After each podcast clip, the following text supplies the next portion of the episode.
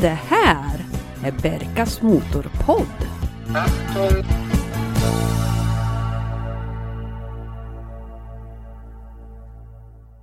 Hej och välkomna till Berkas Motorpodd. Jag som pratar kallas för Berka men heter Jörgen. Jag tänkte att eh, vi tar upp tråden där vi stoppade för två veckor sedan. Nämligen när vi pratade om Porsche 911. Har du en kul bil eller vet du om någon spännande person som har något skoj att berätta om det här med bilägande? Maila mig på berkasmotorpodd gmail.com Vi har också lanserat en helt ny hemsida och det är väldigt enkelt att knalla in på den. Man skriver www.berkasmotorpodd.se och där finns det mer information och lite bilder på bilarna som vi pratar om. Nu åker vi vidare med Porsche 911.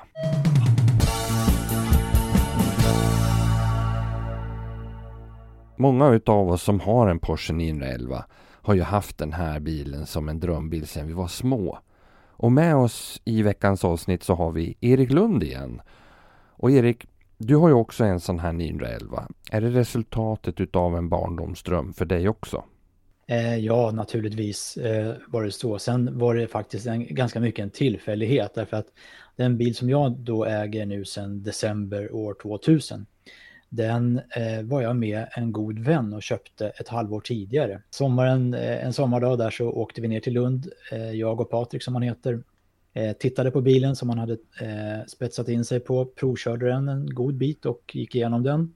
Patrik hade bilen eh, ett halvår. Lite listigt av honom för då på hösten där sen så frågade han mig, du, skulle jag kunna få låna din garageplats ett tag och ställa in Porschen? Ja, det går väl bra, sa jag. Eh, så att eh, den hamnade i mitt garage där jag bodde då ute i Midsommarkransen. Och efter ett tag när den hade stått där, då kom det fram att den här var ju till salu. Erik, ska du inte köpa den av mig? Och då hade den ju liksom redan hamnat hos mig så att ja, jag var ju ett viljelöst jon där. Det var ju bara slanta upp och skriva på ägarpapperna. Och på den vägen är det. Hur kändes det då? Kommer du ihåg det? Ja, Absolut, jag gick ut varje kväll, för det här var ju på vintern, så det var ju inte ut och köra läge direkt. Och satt i den och torrbröt och fingrade på inredningen och knapparna. Och, ja, det var ju en fantastisk känsla och jag är jätteglad. Och jag trodde väl då kanske att jag skulle ha den ett par år eller så, som man tänker sig när man är i knappt 30 sådär. Och, men eh, som sagt, den är kvar. Den har blivit ett inventarium och jag tycker fortfarande att det är lika roligt och givande att köra med den och den har ju fått hänga med på en hel del långresor i Europa och både långa och korta utflykter hit och dit. Och jag försöker under sommarhalvåret också använda den så mycket jag kan som vardagsbil för det, det tål den och det är ju roligt. Ska jag bara köra med den på söndagar då blir det inte så mycket kört. Vad blev det? Vad är det för modell och generation? Ja, det kanske vi ska berätta också. Ja. Eh, det är alltså en, eh, det måste ju vara den vanligaste Porsche 911 versionen av alla. En eh, röd Carrera med 3,2 liters motor från 1986 med svart inredning. Sportstolar, taklucka, 15 tums fuxfälgar och en stor vinge på motorluckan i bak. Det finns ju otroligt många undermodeller utav 911 och hur underbart nördigt det hade varit att gå igenom alla de här så kan vi ju inte ta oss den tiden. Men det finns en och det är Porsche 959. Och det vet jag Erik att du har kört någon sån där. Ja, det har ju funnits ett antal genom åren. Det är en typisk sån typ bil som åker över gränserna när de blir till salu. Men eh, jag har fått chansen att eh, köra den som Lasse Jönsson, Porsche-handlaren i Karlstad, äger. Som han har haft sedan den var ny. Han beställde tre Porsche 959 till sig själv när det begav sig. En i komfortutförande, det är den som är vanligast. En i sportutförande och en som var tävlingsversionen, den som hette 961. 961 fick han aldrig någon tilldelad sig, men han fick de här två andra och hade alltså under flera år två 959. Han har sålt komfort och sport har han kvar. Och eh, den har jag skrivit om eh, ett par gånger i olika tidningar och fått tillfälle att köra. Och jag har faktiskt kört en annan svensk 959 också eh, som fanns i Skåne i många år. En komfort, en röd. Den har försvunnit ur landet sedan dess vet jag.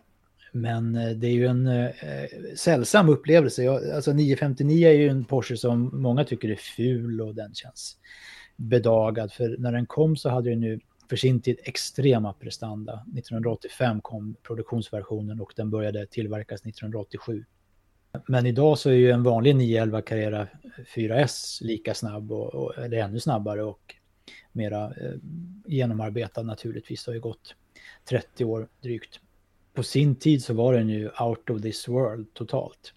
Och eh, jag fascinerades ju av den direkt eh, redan när konceptbilen som föregick 959 kom, den som kallades Grupp B och visades på Frankfurtsalongen 1983.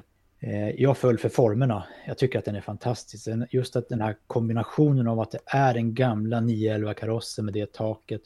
Och sen är det som att man varsamt har eh, strukit på den lite vispgrädde och eh, gjort den lite mjuk i hörnen. Jag tycker den är underbart läcker.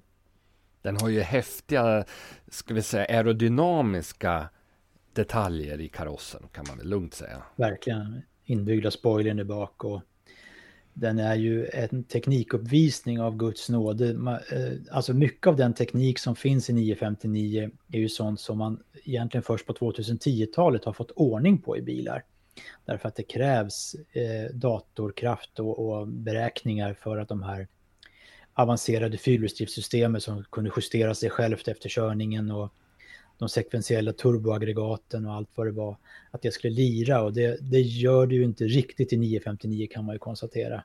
Det är liksom en liten fördröjning i allting och sådär, men det är också en del av skärmen tycker jag. Det är trots allt en bil från 1980-talet som har teknik som först nu har blivit allmängiltig i sportbilar av den här kalibern.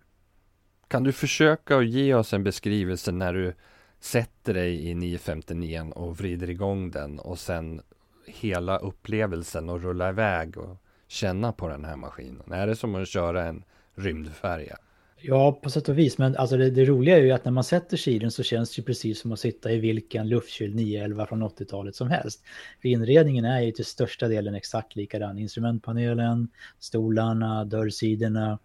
Sen har den då lite andra instrument som indikerar att här finns det något speciellt under skalet och en extra spak på rattstången där man kan justera fyrhjulsdriften för olika körförhållanden. Den har en sexväxlad låda men där ettan är utmärkt som G eh, för gelände. Eh, och det där var tydligen något skattetekniskt tror jag. Det finns en specialitet när man börjar titta närmare. När man startar motorn då har den ett på sätt och vis eh, 911 typiskt ljud, men det är mycket modernare än vad en 911 lät på den tiden. Ett mera sammanhållet ljud, eh, mera distinkt ska jag säga. Den har ett annat eh, tilltal, mera sonor stämma på något sätt. Det är en mindre motor, den är på 2,85 liter, men då med dubbla turboaggregat. Så den gav ju 450 hästkrafter i komfortversionen och den här sporten som Lasse Jönsson har, jag tror, i alla fall drygt 500 hästkrafter. Den är väldigt snabb för sin tid. Eh, och då känns det ju inte som en 911. Den har ju inte det här liksom att den riktigt sätter sig på bakhaserna sådär som en eh, bakhjulsdriven 911 gör. Utan den har ju mera... Det känns att den är fyrhjulsdriven, det känns att den har lite annan viktfördelning, det känns att den eh, är mera sammanhållen i, på så sätt. Sen, eh, jag har ju inte kört den på bana, men Lasse Jönsson själv säger att den är ganska brötig för det här fyrhjulsdriften som då ska reglera sig själv och skicka kraften fram och tillbaka hit och dit. Den är ju hela tiden lite steget efter. Det är det jag menar att den hade behövt 2010-talets processorkapacitet för att lira egentligen. Men eh, det spelar ingen roll, jag tycker ändå att det är den häftigaste bilen som finns. Det kommer jag alltid tycka tror jag. 959 var ju kanske lite före sin tid. Var, var det något särskilt som Porsche tog med sig längre fram? Man kan ju säga att den var en föraning om det som skulle komma eh, i så mått att den har ju fortfarande en luftoljekyld motor men topparna är vätskekylda. Och det ju, blev ju sen legio att hela motorn blev vätskekyld även i Porsche 911 till slut. Var det nödvändigt för Porsche att göra den korrigeringen eller förändringen? Ja, det tror jag var absolut nödvändigt. Eh, att eh, för att kunna ta det vidare med både avgasrening och ökade krav på prestanda så var man ju tvungen att gå till vätskekylning. Och den där diskussionen kan man ju, eh, jag menar, för körkänslans skull spelar det ingen roll om motorn är vätske eller luftkyld. Men däremot så kan man ju tycka att de äldre bilarna som helhet har en annan charm. Och att man på så sätt definierar att ja, men en luftkyld 911 är mera genuin kanske man tycker. Den har mera mekanisk närhet än vad de eh, senare generationerna har. Men jag vet inte om man kan känna att motorn är kyld på det ena eller andra sättet när man är ute och kör. Den första vattenkylda generationen kom ju där i slutet på 90-talet med eh, en generation då som heter 996. Och den där har ju du faktiskt varit med om och skrivit en del artiklar om Erik. Hur gick snacket på redaktionen när, när den här kom? Minns du det? Ja, jag vill minnas att den togs emot väl. Eh, det fanns ju eh, folk på Teknikens Världs redaktion där jag jobbade då som hade väldigt mycket 911 innanför västen och hade nedlagt alla versioner genom åren och var ganska så här, karga i sin syn på hur en 911 ska vara. Men jag vill minnas att 996 eh, mottogs väl och man tyckte att det var en lyckad reinkarnation av en, den här gamla bilmodellen. Och det var inte en skruv gemensamt med de gamla utan allt var ju verkligen nytt rakt igenom hela bilen.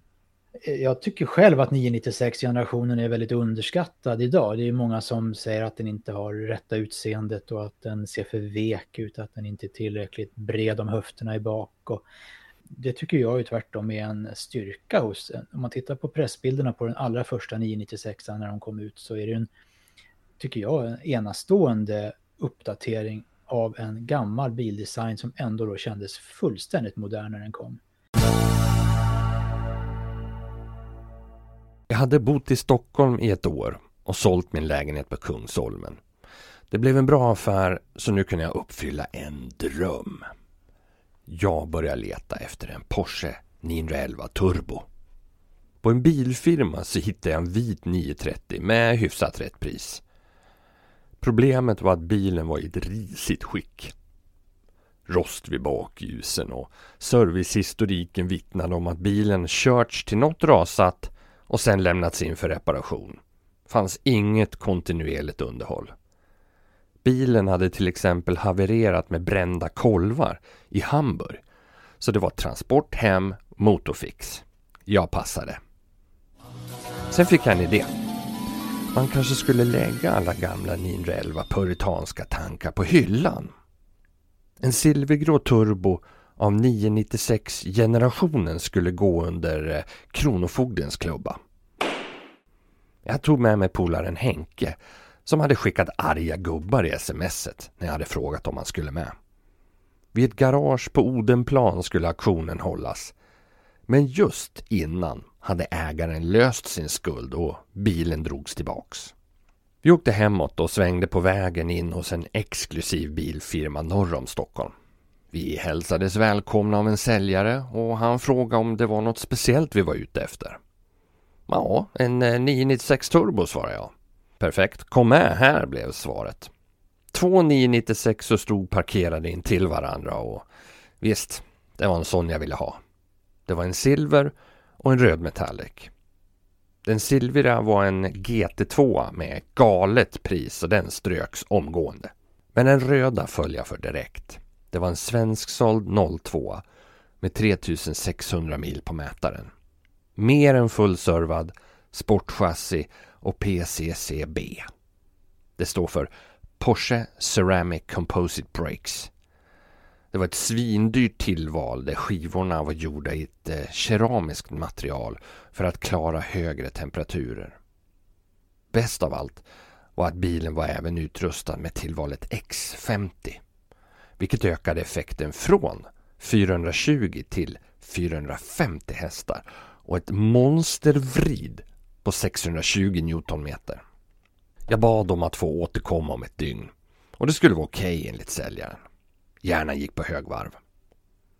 Jag fick tag på första ägaren som köpt bilen ny i Karlstad och han hade ägt den från ny tills för några veckor sedan då bilen hade använts som dellikvid till en race-Porsche. Han sa att om jag fick köpa den för det där priset, då skulle jag slå till direkt. Jag ringde dagen efter och kunde pruta ner priset 10 000 kronor och fick bilen. Och så blev jag utsatt för ett klassiskt bilhandlartrick. När jag ringde så berättade säljaren att just precis nu så var bilen ute på provkörning. Och på så sätt så kunde jag inte förvänta mig något större prisavdrag. Den andra spekulanten ville byta in sin rubinröda 993 Turbo men jag skulle köpa bilen rent, så min affär var mer intressant. Jag garvade lite inombords, men högg ändå på betet och sa Ja, då kan du berätta för den andra spekulanten att bilen är såld när han kommer tillbaks. Jag hade köpt en Porsche 911 Turbo. Det var en bil med blixtrande prestanda. Jag har aldrig kört en sån snabb och kraftfull bil någon gång. 450 dubbelturbomatade hästkrafter, sexväxlad manuell låda och bakhjul breda som vattentunnor. 0 till 100 fyrades av på 4 sekunder och nålen på hastighetsmätaren, ja, den stannade inte förrän vid 306 km i timmen. Jag hämtade hem den en klar och solig dag i oktober 2009 och jag hann med några små vändor innan det var dags att ställa undan den inför vintern. Det var en lång vinter 2009-2010. Våren kom och via klubben för Porscheägare inbjöds medlemmar att besöka fabrikerna i Leipzig och Zuffenhausen. Där tillverkas Cayenne och Panamera respektive Cayman Boxster och 911. Jag och Henke anmälde oss omgående eftersom fördelen med resan och att vi skulle köra med våra egna bilar ner, precis som de ska användas till. Vi startade hemifrån väldigt tidigt en lördag morgon och drog söderut i turbon. Målet för dagen var Hamburg, en resa på ungefär 95 mil. Och det var tidig kväll när vi rullade in framför Radisson-hotellet där vi hade fått specialtillstånd att parkera bilen under ett tak framför entrén för att ha bilen under uppsikt. Efter en snabb incheckning gick vi ner på en uteservering och fick varsin välförtjänt kall öl. Och sen mötte vi upp med en gammal polare för middag och sen tidigt i säng. Dagen efter så var det gemensam samling vid Porsche Centrum, Eiffelstrasse där jag klämde in bilen in till en ny vit svenskreggad GT3. Samling och sen så drog vi iväg mot Leipzig. Det spöregnade hela vägen. Och vi kunde inte hålla ihop alla bilarna så vi höll vårt tempo. Efter Hannover kom vi fatt den här svenska GT3 igen. Han hade R-däck på och i regnet så var inte det helt optimalt. Så vi la oss jämsides filma och fota och sen så körde vi om. Vi var först till hotellet i Leipzig. Till min förtjusning så tillhörde hotellet en kedja som jag hade medlemskap i och blev därför erbjuden av hotellet att stå på deras inhägnade kostnadsfria parkering utanför entrén.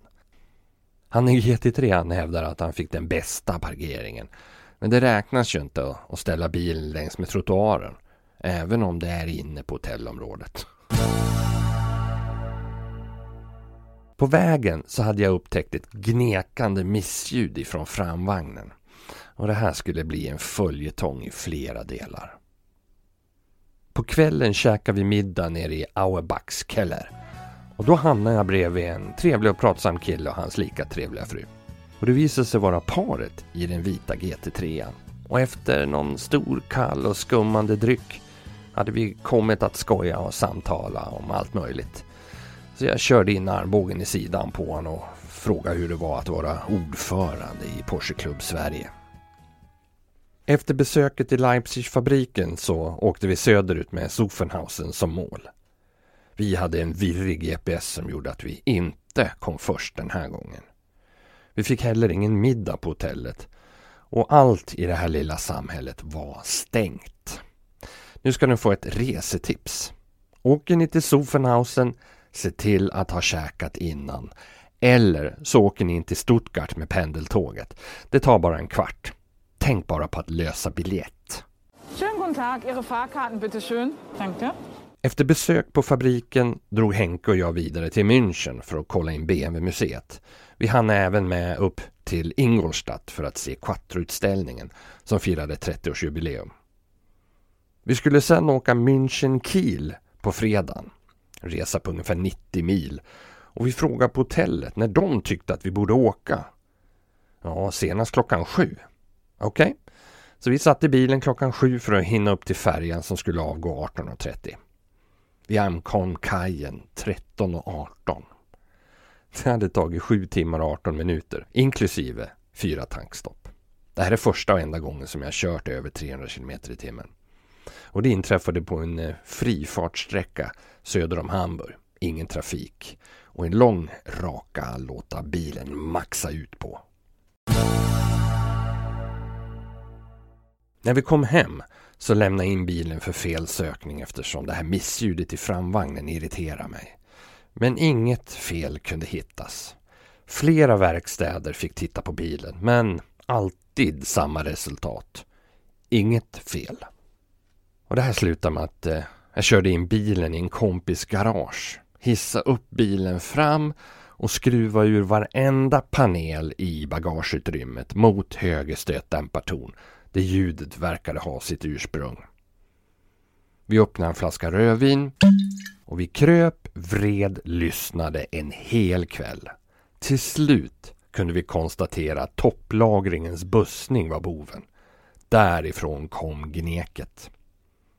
Jag tog bilen ner till den senaste verkstaden och påpekade felet. Bussningen byttes och en del av kostnaderna för felsökningen betalades tillbaka i goodwill. Och ljudet upphörde. Jag köpte även en uppsättning så kallade R-däck till bilen eftersom jag ville börja använda den på bana. Aldrig kunde jag väl drömma om den skillnaden i grepp och styrrespons som det gjorde. Tillsammans med sportchassit så var det ett obeskrivligt fäste i kurvor och bromseffekt. Jag träffade fler likasinnade på de här banmötena och vi gjorde ofta sällskap. En bana som har blivit en av mina favoriter det är Gotland Ring. En mycket teknisk bana med nivåskillnader som inbjuder till tuff körning. Här har vi varit många gånger och åkt. Och vi har till och med hyrt hela banan och haft den för oss själva. Det var också här jag körde av och hamnade ute i lekakulorna. Jag missade ingången till en kurva och bilen påminner mig helt plötsligt om att det var en het 911 som eh, gärna vill gå med baken före av banan. Jag hade tur och klara bilen oskadd. Men jag åkte sakta in i depån för att återfå normal puls. På båten hem la jag upp en ny plan. Turbon skulle säljas och för de pengarna skulle en Porsche 968 Clubsport och en 996 Carrera 4S köpas. En bil skulle bli två. Fotnot från redaktionen. År 2013 så kunde man alltså sälja en 996 Turbo och för de pengarna köpa både en 968 CS och en 996 C4S och dessutom få en slant med växel över.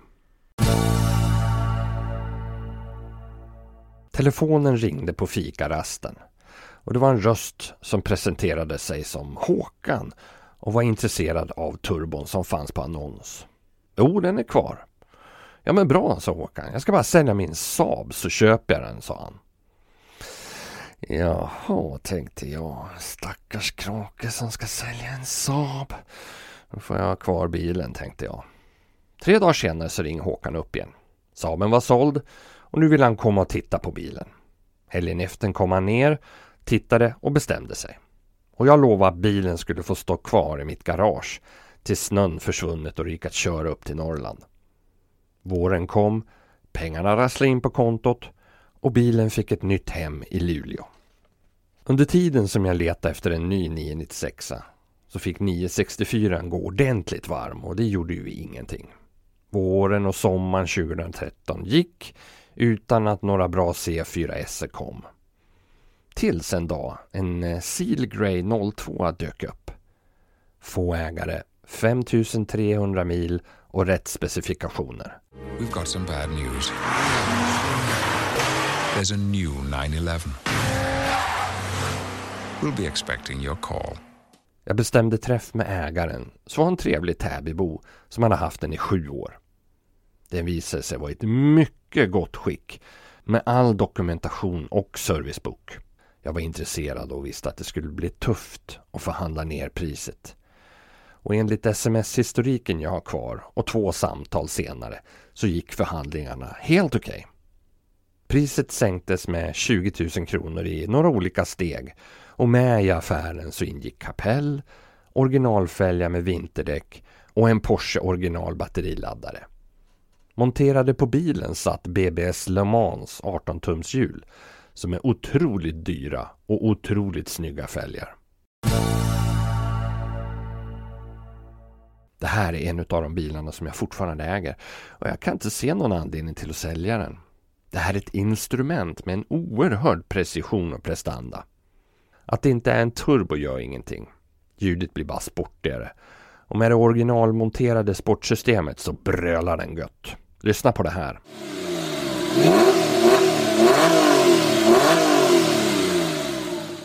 Den gråa färgen ger bilen ett sobert intryck utan att vara vulgär eller skrika på uppmärksamhet.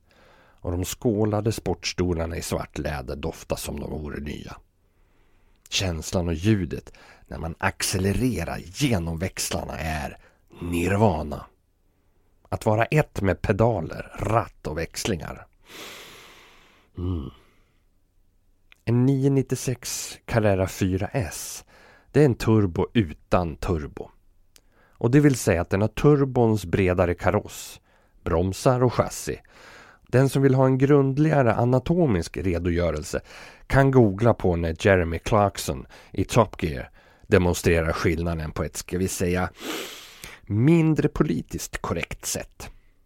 Clarkson filosoferar vidare att eh, It's not scary fast though. It's not like going to the pub with a murderer. You're not thinking, this is fun, but soon I will be dead. Väl på plats i 996an faller alla pusselbitarna på plats. Vyn över den snygga och smäckra treekrades ratten är sportigt låg, även för mig som är 190 lång. Instrumentklustret är smakfullt designat med varvräknaren som sig bör i mitten. Resterande mätare är halvcirkelformationer på varsin sida. Hastighetsmätaren den är liten och svåravläst. Vem ska bry sig om hur fort det går? För den som är rädd om körkortet finns det en liten digital visning av farten som är lättare att läsa. Även i 270. Vi sitter i en Porsche 996 Carrera 4S på en frifartssträcka upp mot Kiel. Och vi bryter inga tyska hastighetsbegränsningar för här finns det inga. I mittkonsolen hittar man en Bose Stereo med integrerad satellitnavigering och telefon. Under den finns reglage för klimatanläggningen. Elhissarna regleras med knappar vid handbromsen och ett litet baksäte finns. Jag brukar fälla ner ryggstöden för att på så sätt få en bagagehylla att lägga packningen på. Det är alltid intressant att lyssna med andra Porscheägare om hur det kom sig att de köpte just en 911. Och med oss på länk så har vi Allan. Välkommen till podden! Tack så mycket Jörgen! Kul att få vara med! Först vill vi veta lite vem du är. Ja, vad ska man säga? En människa som älskar bilarna ända ut i fingertopparna. Jag brinner verkligen för alla bilar också. Det är nog lite intressant med mig det att det finns inte en bil jag gillar utan jag har nog ägt de flesta bilar ute på marknaden. Inte alla, men en hel del. Hur kom det sig då att du, eh, vi hamnar ju här nu i 911 avsnittet. Hur kom det sig att du fick upp ögonen på en sån och ville köpa den? Jag har alltid velat ha en sen Bad Boys 1-filmen och det är 964, den här turbon som väckte min intresse för 911. Det var väl där då ungefär. Jag har alltid gillat den mer än, än, än eh, Ferrarin och Lambo och sånt som de har oftast har tävlats med. Men de åren, alltid 911, det är någonting med de designformer som har varit, jag vet inte. Med äldre ålder så vet jag ju mer varför jag gillar den och det är precis samma sak där igen. Motorn är bakom bakaxeln vilket i, i början var ju bara idioti enligt en ingenjör. Men istället för att fixa det så jobbar de runt det. Ja, det är därför jag gillar dem och alltid velat ha en. Det är ingenjörskonst i fingertopparna. Är det, är det första 911 det här som du har? Det är min första. Och vad blev det för modell eller generation kanske vi ska säga? Det blev en 996-generationen och det blev en C4S. Vad är det för årsmodell på då? En 2003. 996 har ju haft lite skamfilat rykte och man har ju haft debatter kring eh, strålkastarnas design. Tror du att den är på gång att få någon form av klassikerstatus nu? Jag tror att den, eh, det som händer idag som vi ser och varför 996 börjar eh, ta, ta fart är för att det finns en ung generation som vill ha fina bilar och sportiga bilar och har råd med det. Och de har aldrig riktigt växt upp med kanske 996 och brytt sig om detta eller de har aldrig haft den här luftkylda grejen som många har att det ska vara luftkyld, det ska, det ska vara runda lampor utan de förstår Porsche och de köper att lamporna är som de är för att det, det ligger faktiskt en tanke bakom de lamporna. De kommer ju från eh, Le Mans-tiden för att det skulle vara billigare att tillverka. Vad tror du är den vanligaste anledningen till att man köper en 911? Vill du komma in i Porsche-gänget, vilket är inte lätt att göra för du kommer inte in i det här 911-gänget om du köper en Cayenne eller Macan på samma sätt. Du kan göra det men jag tror inte det blir, det är inte samma sak. Du kommer alltid vara ändå utanför. Man vill vara med. Man har hört av de här träffarna som finns, eh, den starka klubben som finns i alla länder egentligen. Lika mycket i Sverige som utomlands. Det är en gemenskap, ett socialt umgänge och, och de är dedikerade till en bil. Jag tror också man har en teori av att alla är snälla mot varandra för att en 911 är samma bil hela, hela vägen. Men sen har man ju sett i efterhand att ja, du har ju två, två lag, luftkylt och vattenkylt som det heter. Så att eh, det är inte helt rätt än. Men jag trodde man vill in dit. Och det enklaste sättet att komma in idag, och det säljs lite överallt nu i media hårt, och det är att enklaste sättet att komma in i 911-världen, det är att köpa sig en 96. Du kan väl berätta lite grann om hur det gick till när du köpte din bil? Då droppar min polare som hela tiden har liksom droppat pikar om 96 så droppar han eh, 996 C4S. Och vad är det för något? Ja, den är ju likadan som turbon fast du slipper turbon och, och den kostar liksom 100-200 000 billigare. Och så min chef såg att jag hade bevakning och det var lite tjat på kafferasten och sånt om den. Så en dag så säger han från ingenstans, men eh, min dotters bästa kompis pappa har ju haft en 996 C4S i 5-6 år. Den är liksom exemplarisk, han sköter den och varför inte fråga om han vill sälja? Så hade han frågat honom det och klart, han var i tankar att sälja. Och därefter gick det riktigt fort. Det var från att jag, eh, den här killen var hal, ägaren. Det gick från att jag sa att jag var intresserad till att titta på den, hittade inga fel, bad dem att göra en eh, Porsche-inspektion på den eller en köpinspektion. Och eh, den kom tillbaka med noll fel så jag hade ingen prutmån på den heller. Och eh, när jag sa att jag behövde tänka på det, det här var jag tror han fick tillbaka den på en onsdag. Så på lördagen så säger han, jag är på väg hem här med min fru och jag tänkte du kanske kan ta bilen. Så bara, nej men jag har inte bestämt mig, ge mig helgen att tänka. Ja men jag är här nu, jag är inte långt ifrån dig, du, jag droppar den här. Så att han bara droppar bilen, kommer sin fru och så pratar vi några minuter. Jag bara, här är nyckeln. Men jag har inte köpt bilen. Ja men eh, testa, känn lite efter lite. Och jag hade bara kört den en gång med han bredvid mig och då hade jag inte riktigt varvat den. Men eh, jag såg utanför min, eh, mitt hus i en timme tror jag. Så sa jag, jag tänker inte röra hela skiten. Och händer någonting så ligger det på mig, jag måste köpa den. Men efter en stund så bara, ah, jag får väl prova den. Och när den vaknade efter 5000 varv som sugisen gör, jag var såld. Då var det liksom bara ringa honom och börja diskutera pris och så sen det här var på en lördag. På måndag så visste jag att jag skulle åka med hela familjen till Borlänge från Göteborg. Det är ju en eh, fem timmars tur. Så att jag packade bilen full med barnen och packning och allting. Och så åkte jag till honom, och gjorde affär och bara drog vidare. Så att den var ju redan såld. Vi behövde bara hitta ett pris och det gjorde vi egentligen till slut. Jag fick ner den lite för att han inte hade gjort eh, IMS-bytet. Och det var det enda jag hade att gå på egentligen. Allan, det var ett stort nöje att ha med dig i podden här och jag tackar så mycket för eh, dina erfarenheter som 911-ägare. Jag tackar att få vara med. Det är alltid kul att få berätta om ens egna erfarenheter. Den här bilen har använts mycket på nöjesresor. Vanligtvis på semester till västkusten, Danmark. Tuborg på plastik, inge klinke klanke. Och resor med Porsche till fabrikerna och den så kallade paraden. Som 2016 hölls i Slovenien och Kroatien. Här är ett ljudklipp när vi åker igenom paradstaden Bled med speakern som presenterar oss från Sverige.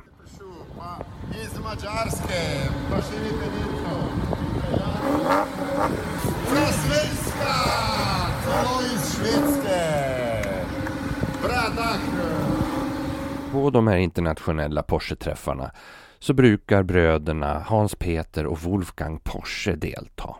De är själva bilentusiaster och framförallt Hans Peter står ofta med sin digitalkamera och fotograferar och vinkar och hejar på oss som kommer förbi i, ska vi säga, bilarna som bär deras namn. De går gärna också runt bland bilarna och pratar med oss ägare och naturligtvis skriver en och annan autograf. Så min bil har autograf utav båda bröderna Porsche och en kul anekdot var när jag ville ha både Hans Peters och Wolfgangs autograf på min bil. Jag gick fram till bröderna och den lite mer allvarligare brodern Wolfgang tog tag i min namnbricka och läste högt Bergström. Han frågade vart min bil stod och jag pekade och han låg två steg före mig hela tiden. Och bakom mig så hörde jag springande steg. Och så fick jag en hand på axeln bakifrån som sa Men du vill väl ha min autograf också? Och det var Hans Peter Porsche som gärna ville hänga på. Wolfgang skrev sitt namn på batterilådan. Då tog Hans Peter tag i bagagerumsluckan och låtsades dunka den i huvudet på brorsan medan han hade huvudet nere vid batterilådan. Och så frågade han mig om jag tyckte att han skulle stänga den. Jag svarade bara, det beror alldeles på hur mycket du tycker om din brorsa. Och då garvade båda två faktiskt. Nu är inte det här någon resepodd, men att bila i Europa i en 911 är fantastiskt. Man letar gärna reda på något bergspass med serpentinvägar. Så står vi här nu på Edelweissspitze på 2570 meters höjd. Och med oss har vi familjen Westergren med också. En annan uppsida är att fler och fler upptäcker 996ans förträfflighet. Och som alla klassiska 911 så börjar den sakta att stiga i värde. Jag skulle säga att det här är den sista 911 generationen som kan erbjuda en genuin analog körupplevelse. Och det efter att ha kört både 997 år, 991 och 992 år. Med sina 320 hästar så bjuder bilen på underhållande fartresurser. Porsches filosofi har ju alltid varit att det inte endast är antalet hästkrafter som spelar roll utan även låg vikt och ett avstämt chassi och rätt gummiblandning i däcken. Det här påverkar upplevelsen. Porsche har till och med tagit fram en märkning av däck som garanterar korrekt kvalitet för just din bil. Till sist vill jag bara nämna att jag har bytt IMS-lagret. Men jag hade inte något större nattsömnsproblem innan jag bytte det där lagret heller. Vill ni veta mer om IMS-lagret så finns det massvis med forum på nätet att kika vidare på. Då är det dags att säga hej då till ikonen Porsche 911 här i Motorpodden. Tusen tack för att ni har lyssnat. Passa på och kör en 911 eller allra helst köp en. Och tills vi hörs igen om två veckor, kör så ni trivs.